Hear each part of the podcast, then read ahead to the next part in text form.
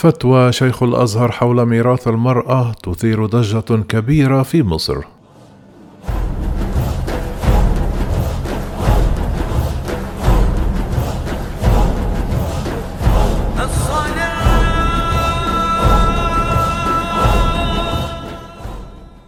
طلب أعضاء لجنة الشؤون الدينية والأوقاف بمجلس النواب في مصر بضرورة إعداد تقرير للرد على ما تم إثارته مؤخرا في وسائل الإعلام بشأن فتوى شيخ الأزهر حول الكد والسعاية وأكد أعضاء اللجنة أن الأمر المثير للجدل أن تم تداول الفتوى أنها تبيح للمرأة أن تحصل على النصف من ميراث التركة بجانب حقها الشرعي في الميراث من زوجها مقابل مشاركتها في العمل والكد والأمور المالية الحياتية وليست الأعمال المنزلية.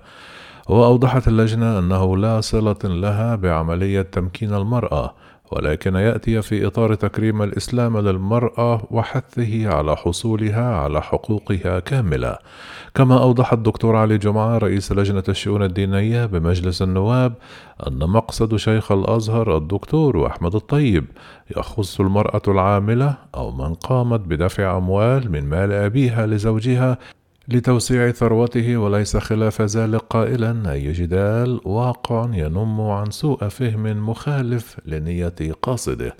جدير بالذكر أن اللجنة الدينية في اجتماعها أمس الأحد وافقت على مشروع القانون المقدم من النائب طارق رضوان وستين نائبا أكثر من عشر أعضاء مجلس. بتعديل بعض أحكام قرار رئيس الجمهورية بقانون 51 لسنة 2014 بشأن تنظيم ممارسة الخطابة والدروس الدينية في المساجد وما في حكمها وتناقشه اللجنة بالاستمرار مع لجنة الشؤون الدستورية التشريعية. كان شيخ الأزهر قد طالب بضرورة إحياء فتوى حق الكد والسعاية خاصة في ظل المستجدات العصرية التي أوجبت على المرأة النزول إلى سوق العمل ومشاركة زوجها أعباء الحياة.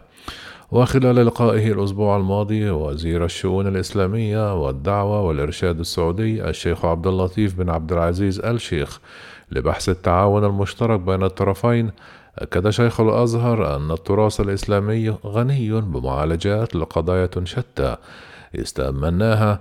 سنقف على مدى غزارة وعمق هذا التراث. وحرص الشريعة الإسلامية على صون حقوق المرأة وكفالة كل من شأنه حفظ كرامتها.